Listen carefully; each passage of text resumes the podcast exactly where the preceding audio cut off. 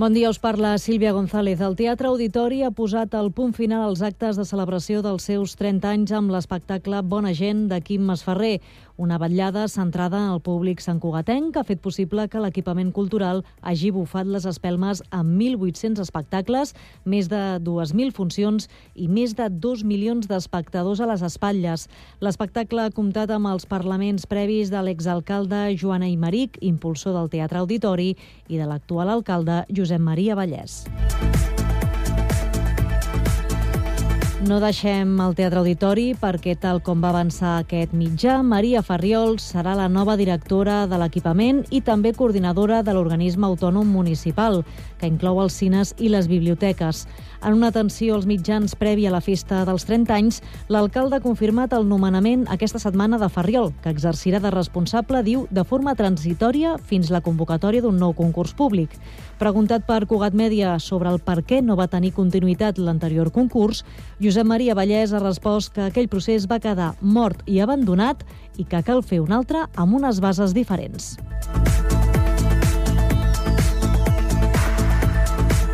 La CUP, membre de l'anterior govern, ha estat la primera formació que s'ha pronunciat sobre el dèficit de 25 milions anunciat aquest dilluns per la tinència d'alcaldia d'Economia. Blindar la despesa social de les eventuals retallades és la petició que els anticapitalistes fan al govern de Junts i Esquerra. Una demanda que per la CUP passa per ser flexibles amb la negativa del govern de no pujar els impostos. El portaveu Copaire, Marco Simarro, ha fet autocrítica per no haver aconseguit debatre més el pressupost quan governava i ha etzibat que la tasca de l'àrea d'Economia, llavors en mans del PSC, no era desitjable.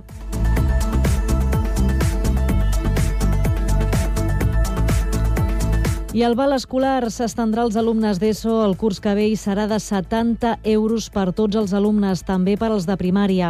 Segons avançat TV3 i confirmat a CN, és una de les mesures que el president Pere Aragonès explicarà avui al Parlament en el marc del debat de política general. A l'actual curs escolar, la mesura s'ha aplicat només als estudiants de primària per valor de 100 euros. Segons el govern, els 460.000 alumnes de primària de les escoles públiques i concertades se sumaran als 330 30.000 de secundària. Així s'arribarà a uns 790.000 en total.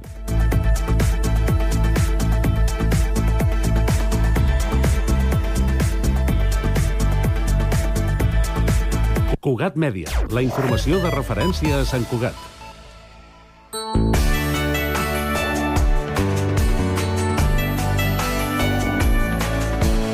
Ràdio Sant Cugat, Cugat Mèdia, 91.5 FM.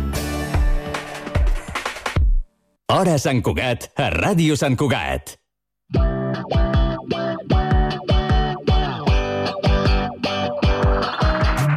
El juliol passat es van entregar els 18ens Premis de Narrativa Infantil de Sant Cugat. Es tracta d'un certamen organitzat per l'Ajuntament de Sant Cugat i les llibreries locals amb la participació de totes les escoles de la ciutat. Tots els infants de tercer a sisè de primària residents a Sant Cugat podien participar a la iniciativa. Cugat Mèdia hi ha col·laborat convidant a les i als guanyadors a llegir per tots nosaltres els seus escrits i aquí els tenim. En la categoria de tercer curs, el primer premi ha estat per Olivia del Pozo, del Gerbert d'Orlac. En la categoria de quart curs, el primer premi ha estat per Laia Vidal, del Gerbert d'Orlac. En la categoria de cinquè curs, el primer premi ha estat per Juan Pablo Campos, de l'Escola Viaró. I en la categoria de sisè curs, el primer premi ha estat per Aina Collado, del Pins del Vallès.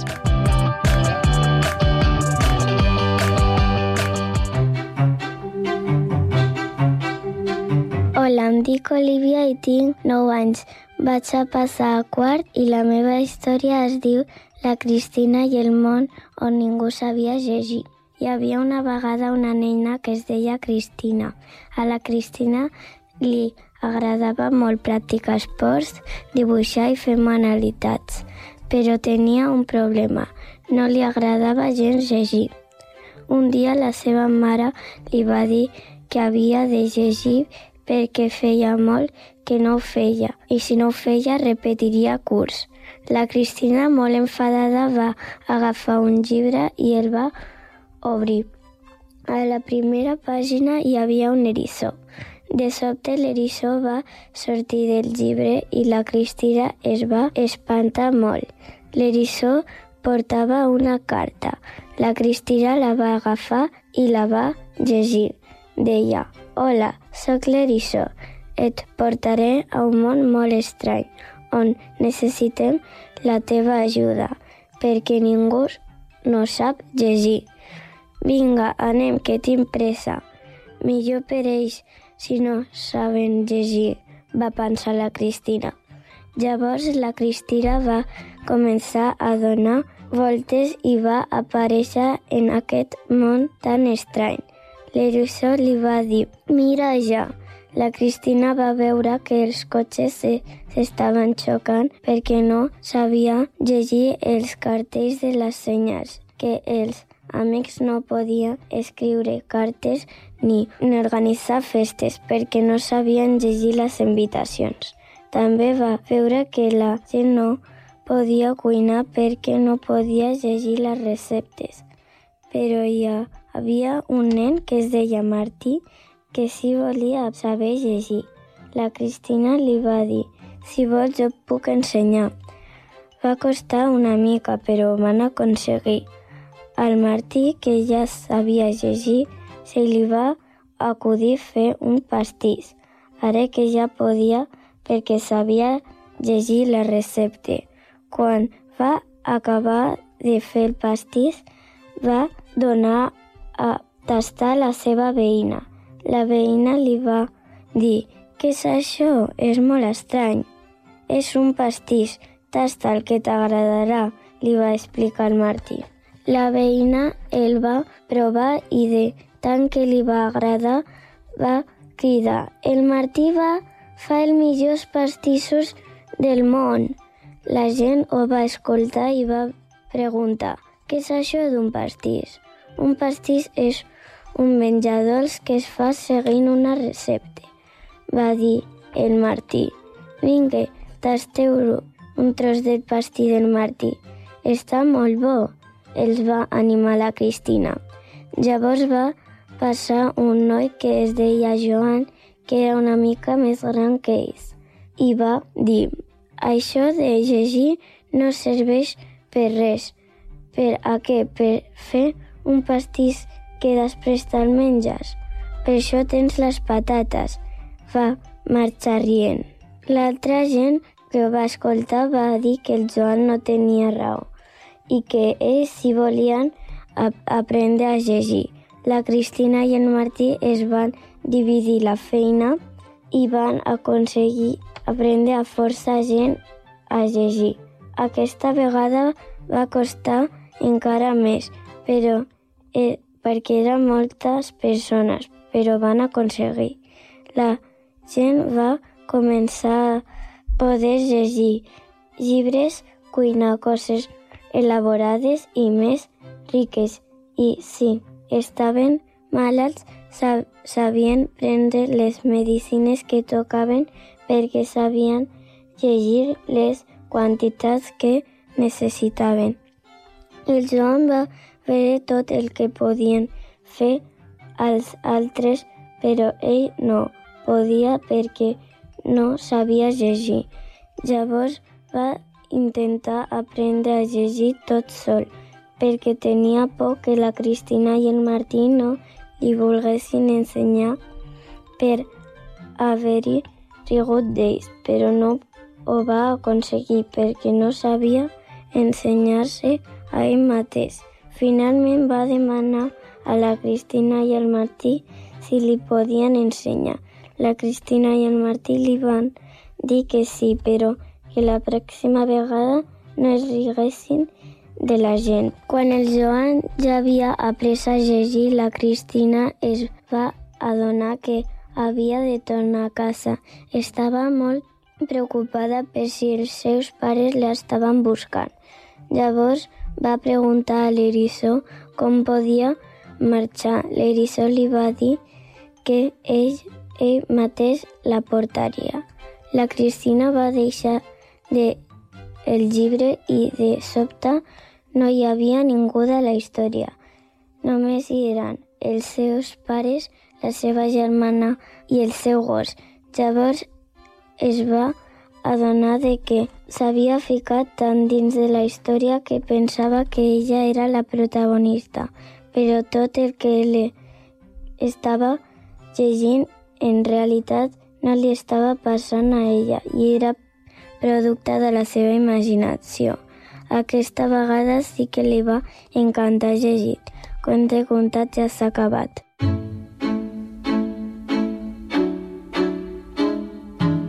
Hola, em dic Laia, um, tinc 10 anys, faré el curs cinquè i us llegiré aquest llibre que he fet jo, que es diu Els pirates de la pau.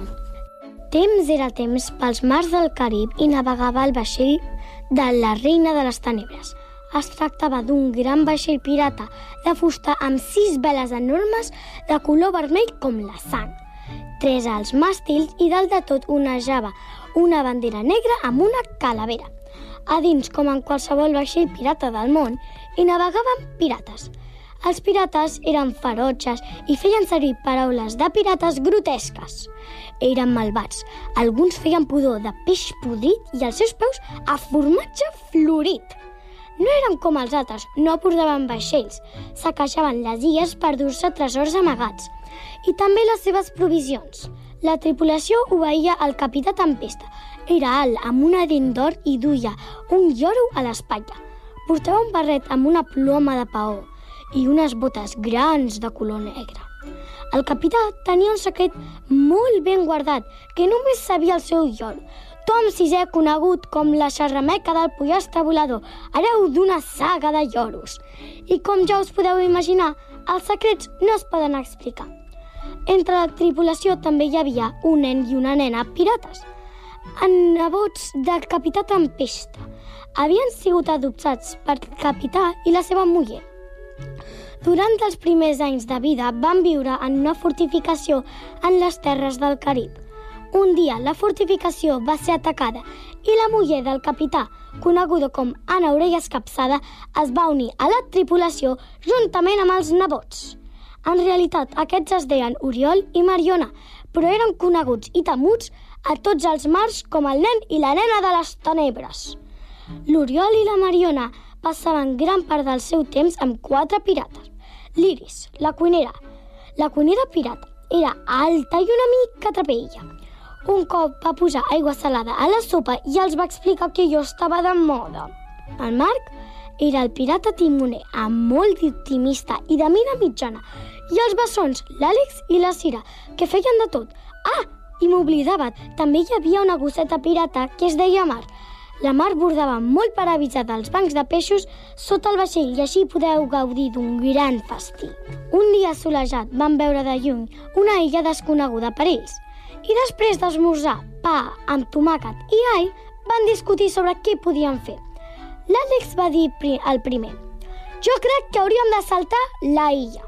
L'Iris va respondre «Doncs jo que investiguem primer».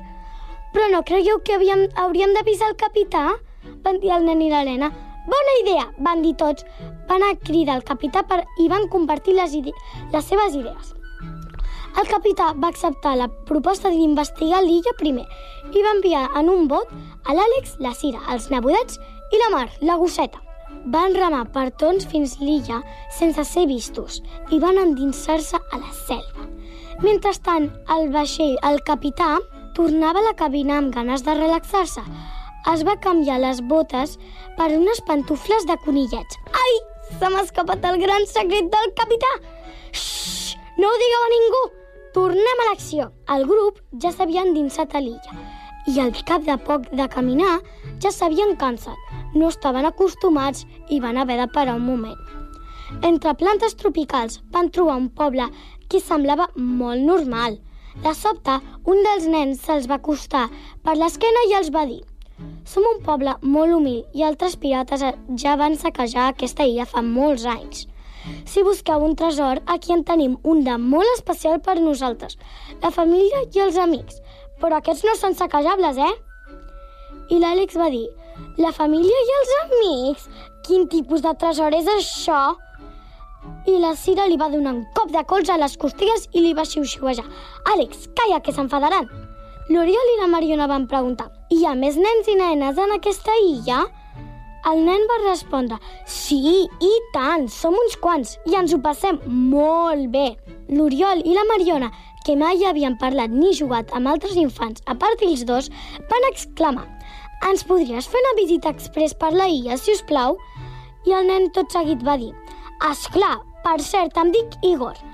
Tots junts van caminar observant la gran quantitat de fruita dels arbres del voltant i la mar de cosetes seguien fent saltirons i olorant-ho tot el que es trobava al seu pas. Quan van arribar al que semblava una placeta, van trobar molts nens i nenes, alguns amb una mena de pilota casolana, d'altres jugant amb un joc similar a fet i amagar.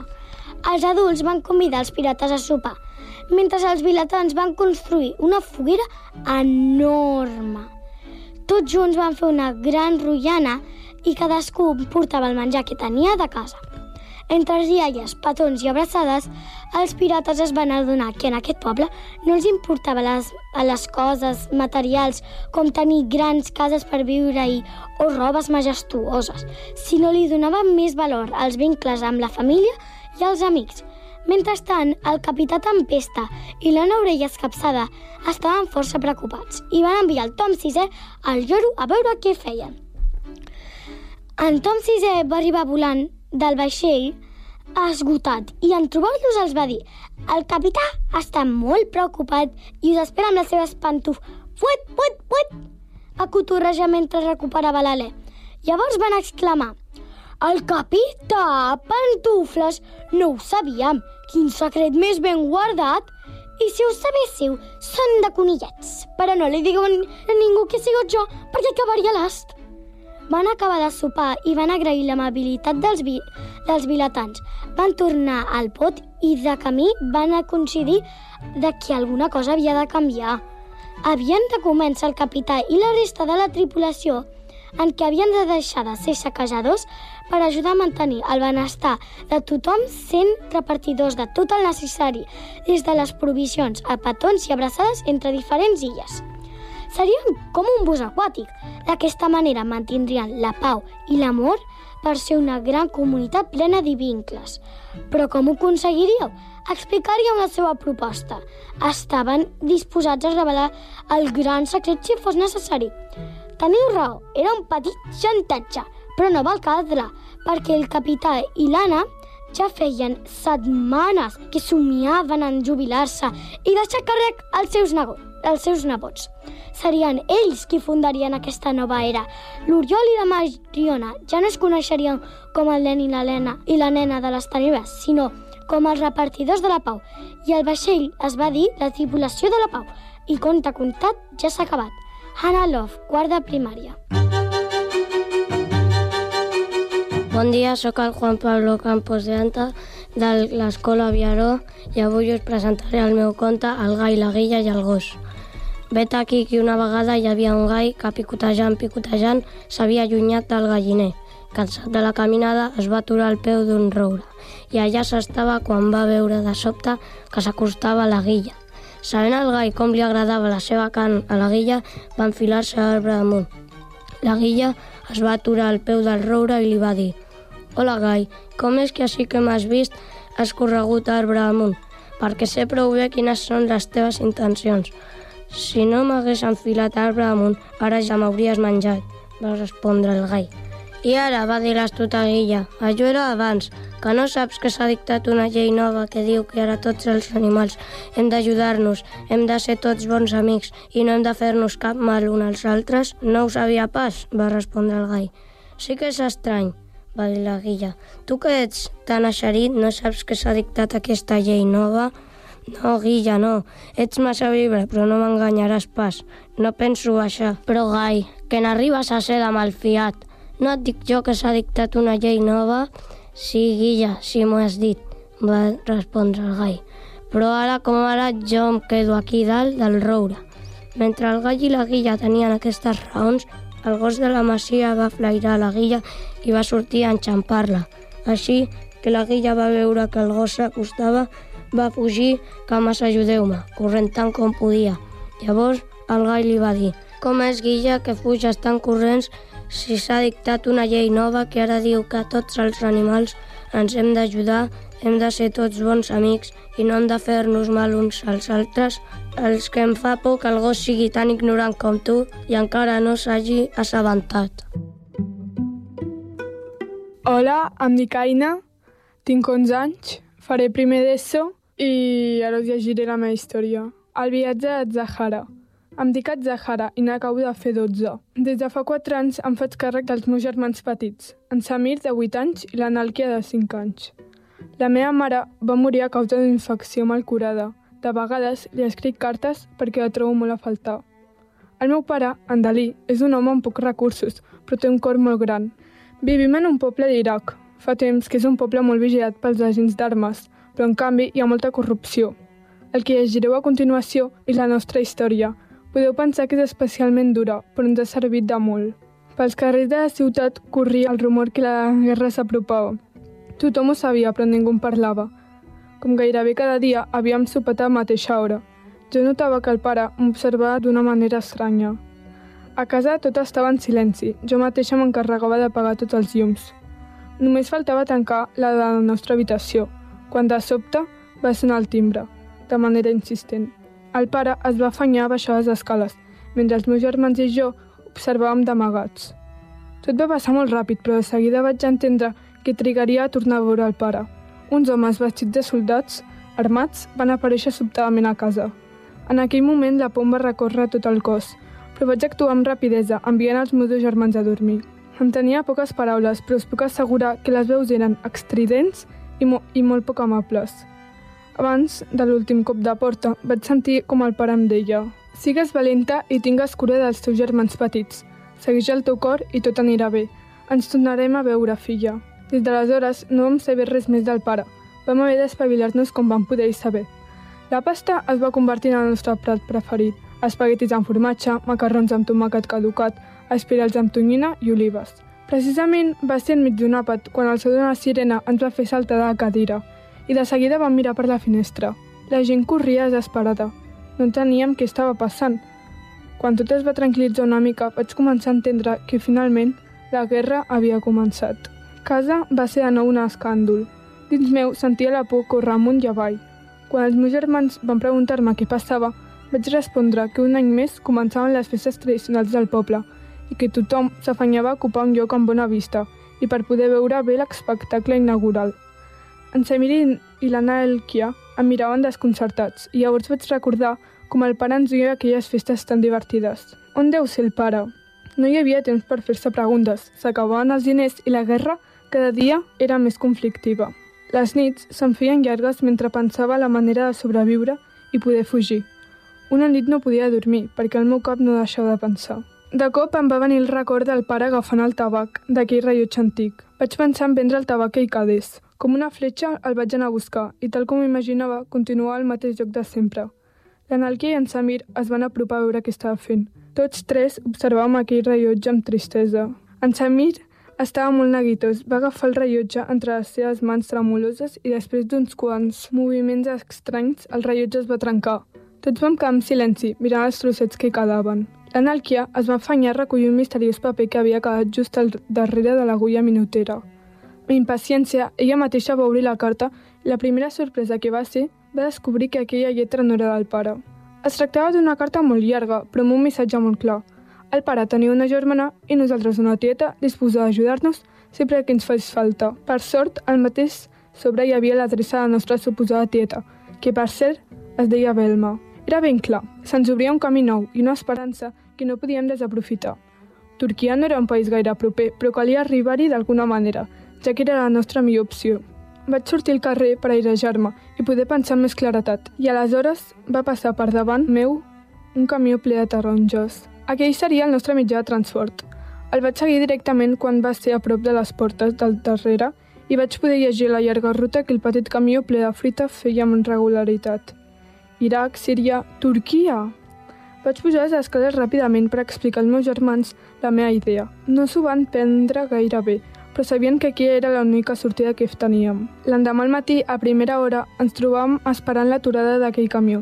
Sense dubtar i aprofitant el moment, tots tres ens vam llançar de cap a la piscina de taronges. De seguida vam sentir el motor que arrencava i de lluny la ràdio, explicant els últims bombardejos i els tancs que s'apropaven. De cop i volta la meva germana Nalkia va dir que tenia moltíssima gana i en Samir, amb aquell sentit de l'humor que em recordava el pare, va contestar «Doncs menja taronges, que en tens per donar i per vendre». Vam riure sense fer massa soroll, ja que encara ens esperava un llarg viatge per endavant. La primera parada va ser Síria i no ens vam moure del racó on érem. Desitjàvem no ser descoberts, aquella vegada vam tenir sort. Per fi arribàvem al nostre destí, Turquia, un país molt habitat. A la butxaca duia la carta de tieta Belma. Istanbul semblava una ciutat meravellosa, plena de grans edificis. Mentre anàvem directament a l'adreça que ens indicava aquell paper, un carro de rucs va atropellar al peu del meu germà. Vaig haver de carregar durant tot el camí en Samir a Espaia. Quan ja érem davant del portal, molt nerviosos i amb el peu del meu germà, que semblava un botifarró, jo mateixa em vaig decidir a tocar el timbre. Al cap de res, la porta ja era oberta. Ens vam asseure en unes butaques que semblaven força luxoses. La tieta ens va mirar poc sorpresa i va dir «Pel que veig, heu crescut molt. Voleu una tassa de te?» L'Analquia va respondre «El que tenim és molta gana. Ens pots donar alguna cosa que no siguin taronges, si us plau?» Ja ni me'n recordo de les hores que vam estar parlant aquella tarda. Ens va sorprendre que treballés posant cabells als homes calps. A la vegada, ens vam explicar moltes coses sobre la relació amb el pare i vam poder resoldre molts interrogants. Al capvespre, vam sentir com sonava el timbre. La tieta es va dirigir cap a la porta disposada a obrir-la. Pare? Hi havia un home amb un aspecte trist, però amb els braços oberts. Vam córrer a abraçar-lo i de seguida vaig notar que se n'alegrava. La Belma i el pare es van mirar. Ella el va abraçar amb força. En aquell moment no van caldre les paraules. El pare ens va explicar com ens havia trobat, gràcies a aquell rellotge i les miques de vidre. Per fi em vaig sentir com a casa.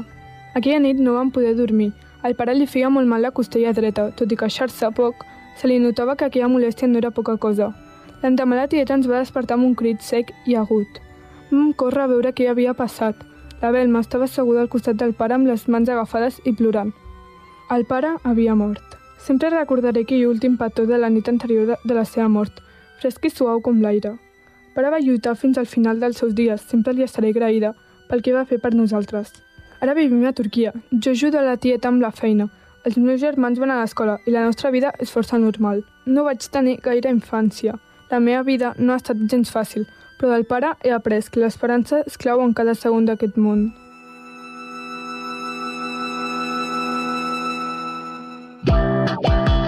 Els 18ens Premis de Narrativa Infantil de Sant Cugat a Cugat Mèdia. Recorda que també trobaràs aquest programa a www.cugat.cat. No és el mateix ser els integrants del millor grup de la història que ser el millor grup de la història. Per això, el grup català Occident serem Occident, perquè per continuar assegurant-ho tot, tot i tot, ens havíem d'ajuntar tots, tots i tots. Entra a seremoccident.cat. Pide por esa boquita, viajar, disfrutar de un verano mejor, vamos, grita. Que lo que se da no se quita. Tot el que li demanes a l'estiu, demana-li al nostre assessor i aconsegueix fins a 500 euros en un cupó regal del Corte Inglés i molt més. Consulten les condicions. Viatges al Corte Inglés. Alexa, abre Radio San Cugat. Bienvenido a Radio San Cugat Cugat Media. ¿Qué quieres escuchar? ¿Radio en directo o el último boletín? Cugat Media estrena Skill per poder escoltar Ràdio Sant Cugat des d'Alexa. Per exemple, l'actualitat de Sant Cugat. Alexa, pide a Radio San Cugat el último boletín. Escuchando el último boletín de Radio San Cugat. Cugat.cat Notícies. I també la ràdio en directe. Alexa, pide a Radio San Cugat la ràdio en directo. Escuchando en directo Radio San Cugat. L'artista local defineix la situació com a dura perquè... Ràdio Sant Cugat Cugat Mèdia, 91.5 FM, www.cugat.cat i ara també a través d'Alexa. La ràdio que necessites, ara més a prop teu.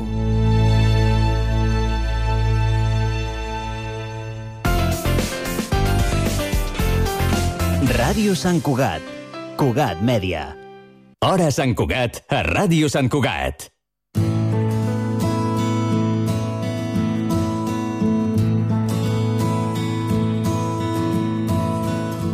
Creu de Sant Jordi, Premi Ciutat de Sant Cugat i una vida dedicada a la perfumeria i sobretot a les arts escèniques. Tot això encara agafa més volada si ens parem a pensar que el convidat d'avui que passarà pels micròfons de Cugat Mèdia és ni més ni menys que l'actor en actiu més gran de Catalunya i probablement, ara ens ho confirmarà, de tot l'Estat. Sense més preàmbuls, Jaume Pla i Pla de Vall. Abans que res, Jaume, benvingut a Cugat Mèdia. Bona tarda. Bona tarda. Gràcies. Moltes gràcies per atendre'ns aquí al mitjà públic de Sant Cugat. D'entrada, Jaume, a felicitar-te per la teva trajectòria. Són 95 anys, uns quants, imaginem, dedicats al teatre. D'entrada, preguntar-te com neix aquesta passió per les arts escèniques i pel teatre. Entenem que, evidentment, és un tema que, que ve de lluny, en concret, segurament doncs, fa més de 80 anys que neix aquesta passió, però, però com neix aquesta, aquest amor pel teatre? Bueno, perquè quan jo era més jove, de molt més jove, vaja, vaig anar a viure a Rubí amb els pares, perquè els meus pares van deixar un negoci que tenien i vam anar a viure a Rubí. I allà vam, vam crear una companyia de teatre, perquè en aquella època, dic els anys 49, 40, 49, 50, imagina't els anys, ja tenia inquietuds teatrals, però vaig veure que allà doncs, hi havia les companyies amateurs, les, les típiques que hi havia aquella època que era la Lida, que era una entitat eh, diguem, popular. O sigui, ells llavors hi havia el, el centre parroquial, que feia en castellà, i el, el, i el casino espanyol, que com el seu nom indica també en castellà. I llavors jo vaig pensar, perquè no fem una altra companyia aquí, amb més inquietuds i amb més ganes de poder de poder-ho fer per, per poder mm. fer coses a Rubí, no? Sí. I vam muntar amb un senyor que era un director molt bo, però que no, en aquell moment no, no dirigia, una obra que era una companyia que es va dir, eh, imagina't, Intomo, estudi de teatre selecte. Mm. I aleshores allà vam actuar, vam fer quatre Rubí i em va venir, em va venir la, la ficció. Sí, sí, o sigui que ve, ve, ve de bastant lluny. Uh, això sí, Jaume, eh, s'ha de dir, de professió, però mai ha estat vostè, mai ha estat actor. A què ho atribueix vostè això? Potser una falta de... No, no, no perquè és que en el teatre hi ha poquíssima gent que pugui viure. Mm -hmm. És quasi sigut actor. Jo estava estudiant llavors a l'Institut del Teatre. Mm -hmm. I em vaig enamorar d'una noia del Rubí molt maca i i bueno, ja vam intentar seguir endavant. Però els pares, ells que eren pagesos benestants, no van acceptar mai que jo fos el seu, el seu gendre, perquè en aquella època la, la paraula còmic estava molt, molt mal vista. Ja no ho volien, saps? Mm -hmm. Vam tenir molta lluita per poder, per poder seguir endavant. Mm -hmm. Finalment vam sortir. Per, per un tema que estava mal vista la, la professió? Professió és que passa que si vols fer una vida clàssica, casar-te, tenir una, una, una dona i tenir fills i tenir una casa, això és impossible. Per sobretot també aquesta necessitat econòmica, diguéssim, que... Els que estan ara actuant en primera línia, no hi ha ningú que, que tingui una família amb, amb, amb cinc fills. No, no. Mm. És impossible. Clar, és a dir, és un... És...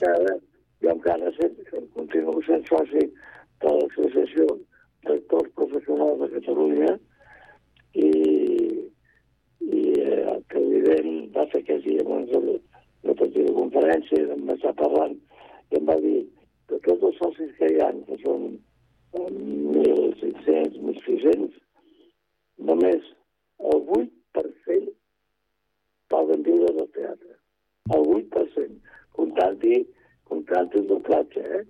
I comptant-hi tot el món del, de l'espectacle. I, I Jaume, en aquest sentit, uh, vostè creu que és més complicat dedicar-se al teatre avui en dia, que potser hi ha més opcions i hi ha també el tema digital, o, o era més abans, que, que no hi havia tantes opcions? Que, que era, quan, quan va ser més complicat dedicar-se íntegrament al teatre?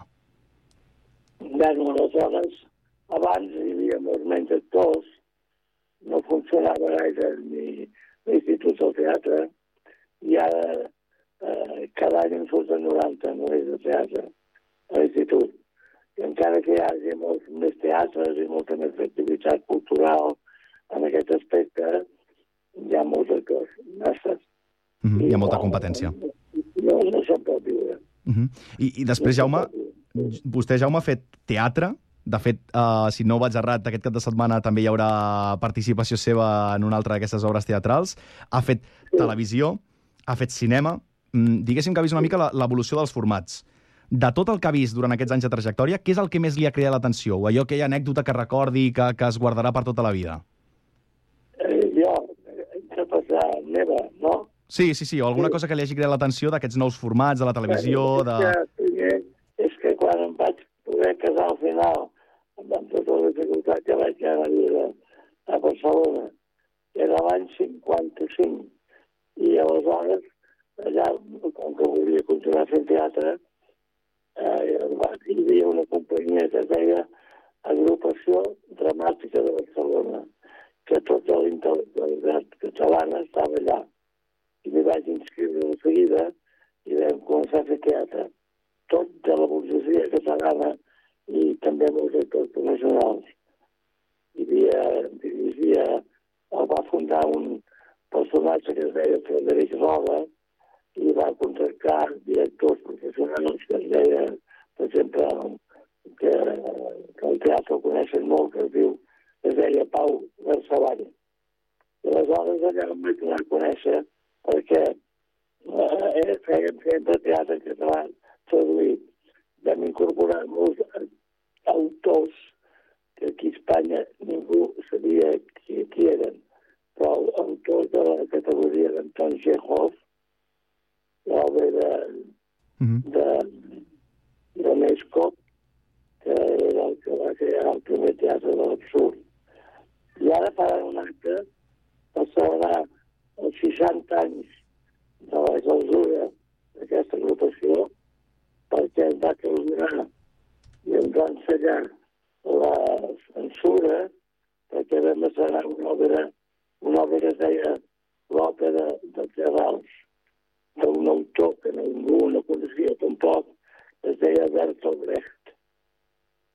I, I ens van clausurar perquè van dir que era comunista. I tant. I aleshores, doncs, tots els millors records que tinc són d'aquella època, no? Uh -huh. I vam estrenar una obra d'Anton Chekhov que es deia Un prometatge. I llavors jo eh, ja estava la companyia feia poc i buscaven un actor jove per fer aquest un protagonista. Hi ha un pare, una filla i un pretendent. I els el pare i la filla ja els tenien, però buscaven un actor jove. I, home, per què no contractem aquest noi que ha començat a treballar amb nosaltres? Sí. i, i, i és el record que tinc millor perquè està és una obra molt bonica, molt bonica. La vam estrenar en el Teatre Romera l'any 1959 Mhm. i va tenir uns premis de, de fotografia, eh, bueno, eh, ho feia molt bé tot, no? I aleshores, doncs, eh, jo sempre he intentat vendre, vendre coses, no? I, i Jaume, una, una consulta també. I, imagino que, que, que rebre una creu de Sant Jordi mm, sí. és potser la cúspide, no?, de, de tot plegat. Sí, doncs mira la creu, no me la van donar per res, més que per haver fet actor teatre el 2011. Perquè, com li deia, l'agrupació dramàtica de Barcelona va ser molt coneguda en aquest moment i tots els grans intel·lectuals de l'època hi dels quals ja no queda cap. I l'únic que existeixo soc jo. I ara faran un record dels seus 60 anys a la traslladar i ho, ho han agafat els fills del fundador, que era el Frederic Roda, però existir no. Llavors, el, el premi me l'han donat per haver fet aquesta companyia de teatre i vaig crear també en èpoques tan difícils com era l'època franquista i la censura que havíem tingut, el que vam lluitar i el que vam, vaja, patir molt, però al final eh, vam funcionar molt bé perquè tota la burgesia ens, ens, ens apoyava, podíem fer tres funcions de cada obra perquè eren en català, llavors aquest era un dels teatres més grans, en el, en el teatre Romea, o de, inclús el Palau de la Música. En fi, jo he fet teatre al Palau, no? que això no, no, no, no s'ha muntat al Palau per fer teatre, al mateix Liceu, eh, etc. Per tot això, per tot el meu currículum, doncs van considerar que Sí. sí. I tant, i tant, Jaume. I és un currículum extens que, a més a més, es continua ampliant i que des de Cugat Mèdia, per suposat, desitgem que s'ampliï. No només aquest cap de setmana, quan també tindràs altre cop participació eh, teatral, sinó, esperem, durant, durant molts anys més. Amb aquesta obra d'Anton Chekhov, el prometatge. Però és que ara hem, hem, vam estrenar aquí a Sant Cugat eh, la versió reduïda, perquè el Dia Mundial del Teatre, que era el mes de març, es va decidir que totes les companyies que hi haguessin aquí a Sant Cugat fessin, abans, quan es feia el Mundial del Teatre a Sant Cugat, cada companyia, que n'hi ha 12 o 13, reconegudes, diguem, no? Doncs eh, cada un agafava un fragment d'una obra que havien fet i ho en un lloc diferent. I aquí l'organització va dir, no, no, hem de fer-ho tot el teatre a Mirasol i, i s'ha d'agafar sempre una obra del Chejo, del Chejo Sí. amb un llibre que s'ha editat, que diu el bon doctor, d'un autor anglès que es que, que és autor de teatre que diu Neil Salmon. I aquest ha ha agafat les obres de Chekhov i les ha reduït només amb altres fragments. I el prometatge també l'ha reduït. Do, Però l'ha reduït d'una manera que no és un fragment, Sí. que té un principi i un final. I quan van veure que sortia aquesta obra van dir home, això pot ser jo amb pla. jo, jo, I aquí estaràs, i aquí estarà, estarà vostè. Aleshores, la fem, la fem, eh, bueno, fem volunti, ho fem, però doncs, si la fem aquí Sant Cugat, hi fa la presentació al crític d'espectacles molt reconegut aquí a Sant Cugat, que es diu Eduard Gené. Llavors la fem de demà passat, a Cal Gerrer, amb un petit teatre que hi ha allà, i es fa la presentació, després fem l'obra que dura mm, 15 minuts, i després fem un col·loqui ample.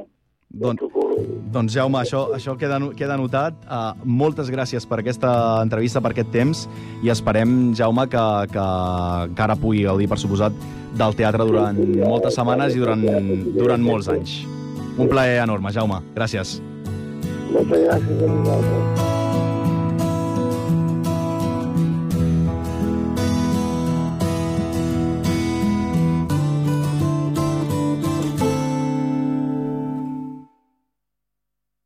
La banda sonora de la teva vida. Rainy days never say goodbye desire when we are together. Rainy days growing in your eyes. Tell me where's away. Seleccionem la millor música per fer-te ballar, emocionar-te o sentir.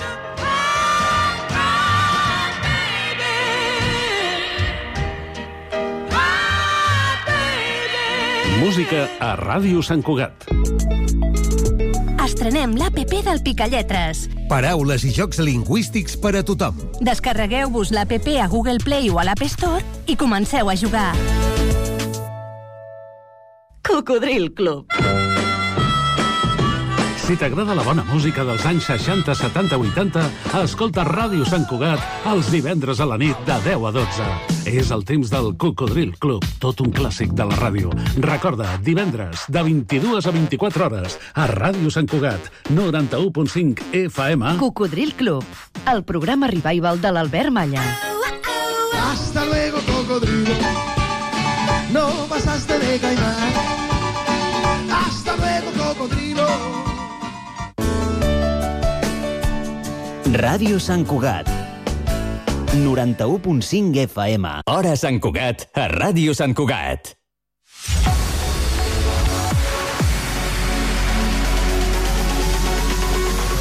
Connectats a les xarxes. Bé, doncs arriba el moment, com cada divendres, de fer un repàs als virals i a les novetats que trobem a les xarxes, on en aquesta secció que anomenem el Connectats a les xarxes, aquesta temporada a càrrec de la Jèssica Rius. En Jèssica, bona tarda de nou. Bona tarda.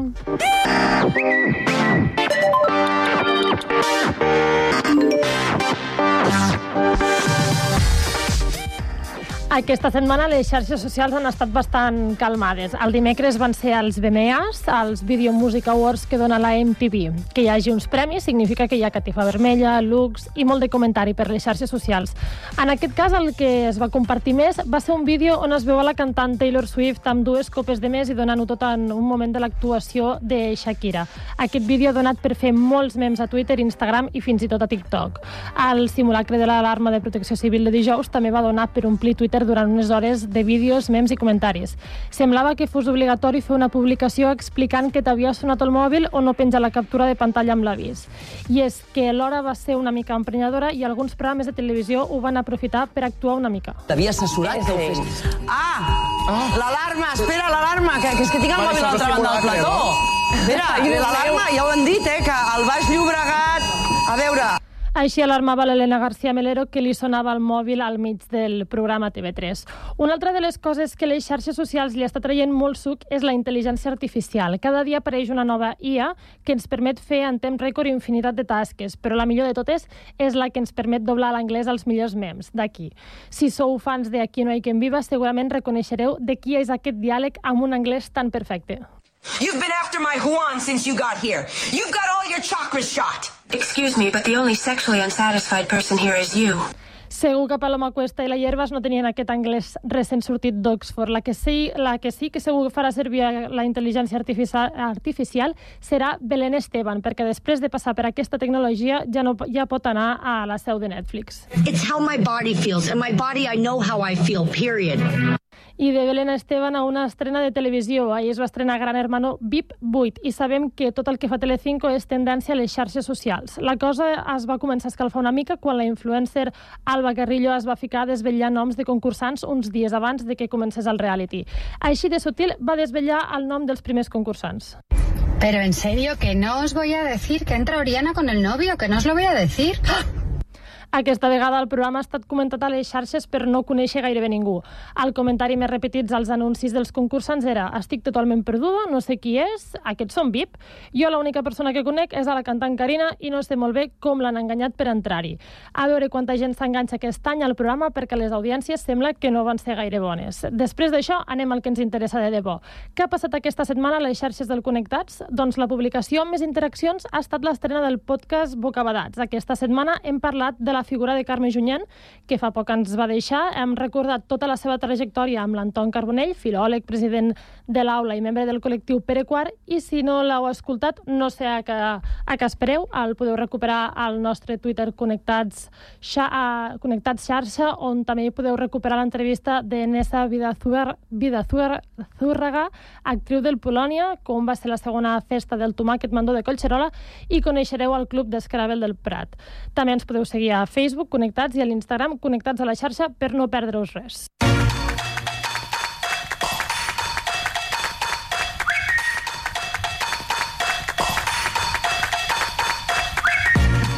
però avui no només parlarem de xarxes, sinó que també d'estrenes. Aquest inici de mes de setembre les plataformes han vingut carregades d'estrenes, però crec que la més sonada és la del Cuerpo en Llamas. Nunca he contado de verdad lo que pasó esa noche. ¿A qué esperas? Ha aparecido el vehículo de Pedro en el pantano de Foch. Quemado. Y en el maletero hemos encontrado un cadáver. Creo que fue Javi. ¿Tu ex marido? Me has querido joder, pero bien. ¿Por qué me preguntas a mí? ¿A quién debería preguntar? Albert López. ¿Ese es el amante? Nunca he salido con Albert. És una sèrie de vuit episodis que parlen sobre el crim de la Guàrdia Urbana, amb Úrsula Corberó interpretant Rosa Peral i Quim Gutiérrez al paper d'Albert López.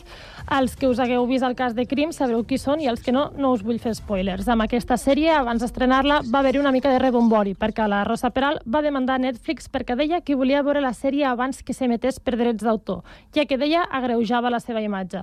He de dir que el postcast de la Guàrdia, Guàrdia Urbana té per fer una segona i tercera temporada del Cuerpo en Llamas.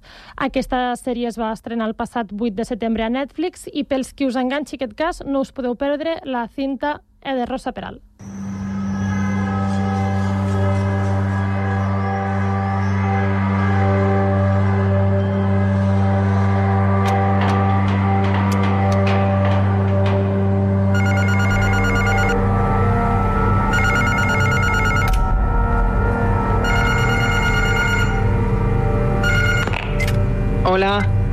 Soy Rosa y bueno, ya sabéis que os llamo desde prisión. Així és com Netflix anunciava que trauria un documental amb les primeres converses de Rosa Peral des de la presó i on no podem, i on no podem veure explicat tot amb la versió d'ella.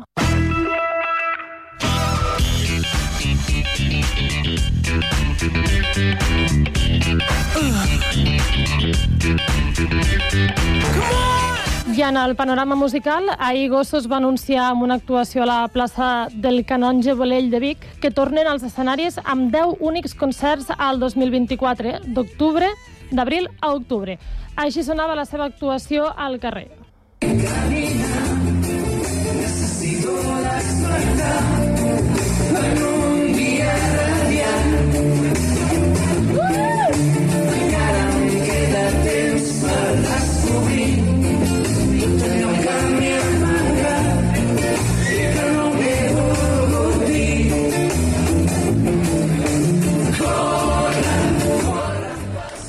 que també va anunciar concert aquesta setmana d'una manera sobtant és el Guillem Gisbert, cantant dels Manel, que ha anunciat que farà dos concerts en solitari mentrestant el grup està hivernant. Un a Barcelona, a la Sala Polo, i l'altre a les escales de la Catedral de Girona dintre del Festival Estrenes. Pel de Barcelona ja no queden entrades. Suposar que malgrat no haguem gaudit de presentació oficial, més o menys així com jo, estàs assabentat de la meva existència, de les coses que faig ben volgut, jo ho reconec que hi faré covard de mi. No és que siguis cada tarda el meu tema preferit, vostres són les promeses que ningú ja complirà. Vostres les nits que els telèfons no paraven de sonar, però sí que et vaig veient en discos que al final no et vas endur. I alguns quina meravella i alguns que mai tindràs prou lluny. Ben volgut i en un somriure que fa sola caminant i en aquella foto antiga oblidada en un calaix. Heu parat una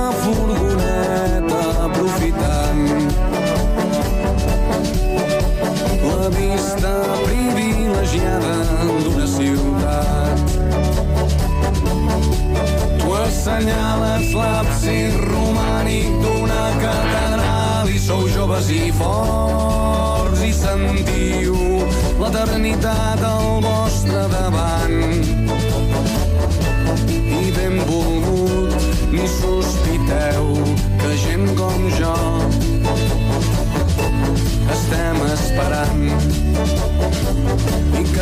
simpàtics que s'us veu i quin mal devia fer. I m'ho imagino o intento i t'asseguro que comprenc encara avui sense remei tot trontoll i un segon quan una mica amb bona fe pronuncia el vostre nom però vull pensar que tot va bé i que no enyores aquells temps que fins i tot el recordar no saps per què però estàs content i vas veient coses pel món que t'estan agradant tant i agraeixes que entre els dos em féssiu créixer amagat, amagat en mentidetes, en dubtes emprenyadors, en cada intuïció fugaç d'una vida millor. Amagat en som molt joves per tenir res massa clar, amagat en no sé què és, però nena no puc respirar. Ai, ben volgut, que estrany si un dia et vam fer mal. El meu amor, la meva sort, les meves mans. O el meu dit resseguint-li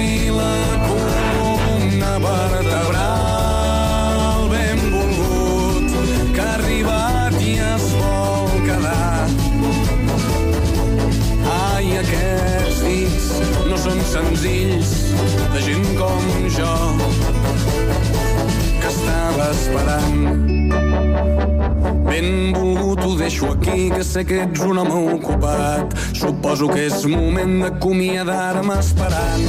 No haver-te emprenyat massa, no haver semblat un boig, que la força ens acompanyi. Adeu, fins sempre, sort per si un dia... La banda sonora de la teva vida. Rainy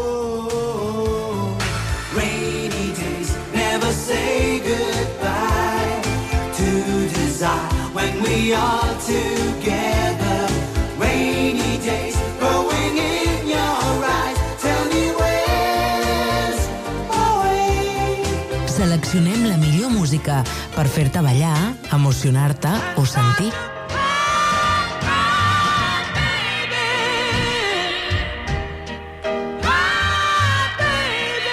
Música a Ràdio Sant Cugat. Estrenem l'APP del Picalletres. Paraules i jocs lingüístics per a tothom. Descarregueu-vos l'APP a Google Play o a l'App Store i comenceu a jugar. Cocodril Club. Si t'agrada la bona música dels anys 60, 70, 80, escolta Ràdio Sant Cugat els divendres a la nit de 10 a 12. És el temps del Cocodril Club, tot un clàssic de la ràdio. Recorda, divendres, de 22 a 24 hores, a Ràdio Sant Cugat, 91.5 FM. Cocodril Club, el programa revival de l'Albert Malla. Hasta luego, cocodrilo. No pasaste de caimán.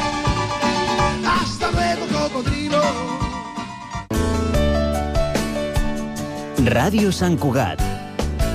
91.5 FM. Hora Sant Cugat, a Ràdio Sant Cugat.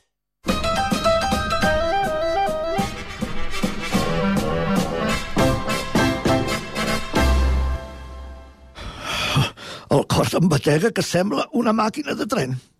És que encara tinc palpitacions d'ençà que les dues setmanes que la Tresina va haver de fer repòs per culpa d'aquella ensompegada, un parell de mesos enrere, vaig quedar tip i far del Rosendo i del Xerxe.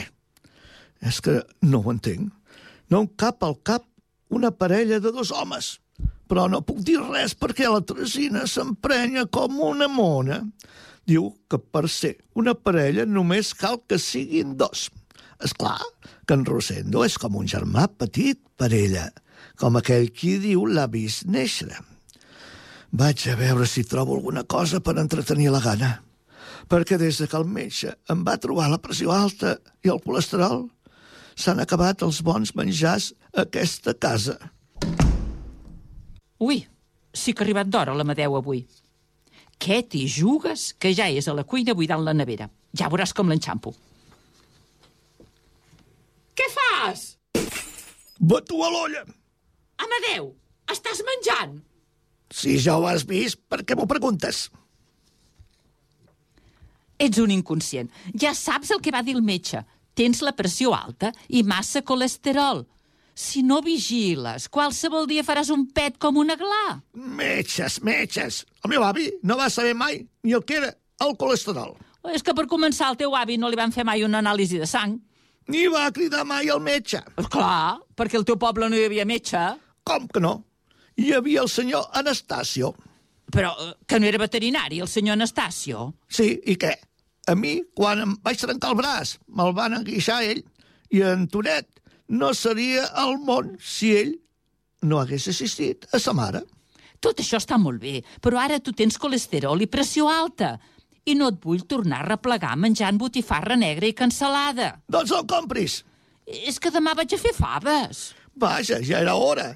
Ja tornem als bons dinars. No, no, no, no, no, un moment, un moment. Jo em faré un platet de faves. Tu tens bledes i pit de pollastre a la planxa. Per què em fas això, Tresina? És una revenja per no saber cuinar? No és pas meva, noi. En tot cas, és el teu metge qui es revenja. Doncs em nego a menjar bledes i pollastre a la planxa. I mentrestant tu, davant meu, menjant les faves i la cansalada i la botifarra, ni se t'acudeixi que sóc capaç de fer una animalada. No t'alteris tant, que tens la pressió alta. Doncs mira, així es rebenti. I ara? No me'n sé venir. Tota aquesta cridòria per un plat de faves. La Bíblia diu que no s'hi va vendre un de la família per un plat de llenties. Doncs t'asseguro que jo l'entenc, el paio que va fer això. Mira tu en què em surt ara. M'estàs dient que tu em vendries per un plat de llenties? No, per un plat de faves. A la catalana, això sí. Escolta, Amadeu, no n'hi ha per tant. Primer és la salut que res. Si saps que hi ha aliments que et fan mal, per molt gustosos que siguin, doncs te n'has d'estar de menjar-ne. Ai, vaig a fer el sopar. Va, que avui tens un requisit. Monjata tendre, bròquil, coliflor i pastanaga al vapor. Ai, senyor, mal geniut. Quina vida tan trista la meva. Ai, Amadeu, tot s'acaba en aquest món. Si fins i tot sembla que la Tresina ja no es vulgui barallar amb mi. Abans, per mica de res, sempre acabàvem Tresina, Amadeu... però fa una temporada que passa de discutir. I això què vol dir? Ràdio Sant Cugat, Cugat Mèdia,